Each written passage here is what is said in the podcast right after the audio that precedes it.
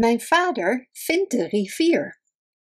De jungle begon net voorbij een smalle strook strand. De dikke, donkere, vochtige, enge jungle. Mijn vader wist nauwelijks waar hij heen moest, dus kroop hij onder een wahoo-struik om na te denken en at acht mandarijnen. Het eerste wat hij moest doen, besloot hij, was de rivier vinden, want de draak was ergens langs de oever vastgebonden. Dus dacht hij, als de rivier in de oceaan stroomt, zou ik hem vrij gemakkelijk moeten kunnen vinden, als ik maar ver genoeg langs het strand loop. Dus mijn vader liep tot de zon opkwam en hij was vrij ver van de Ocean Rocks.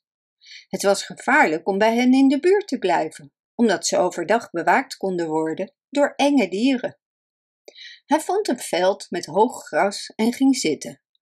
Toen deed hij zijn rubberen laarzen uit en at nog drie mandarijnen.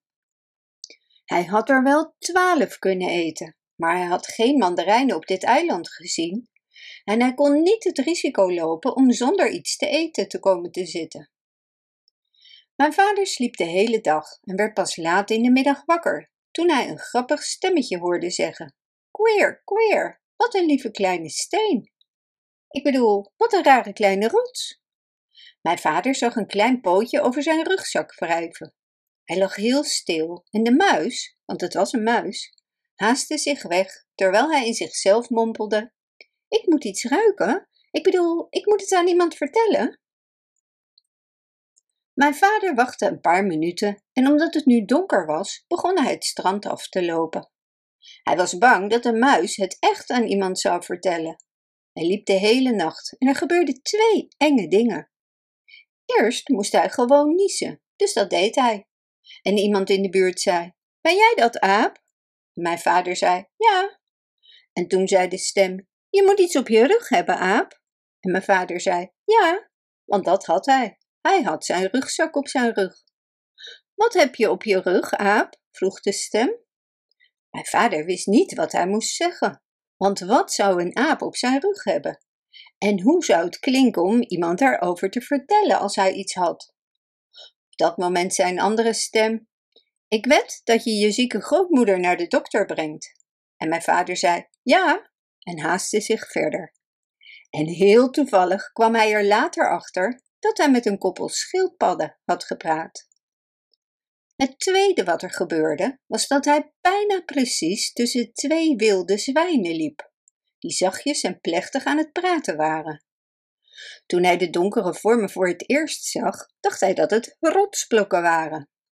Net op tijd hoorde hij een van hen zeggen: Er zijn drie tekenen van een recente invasie.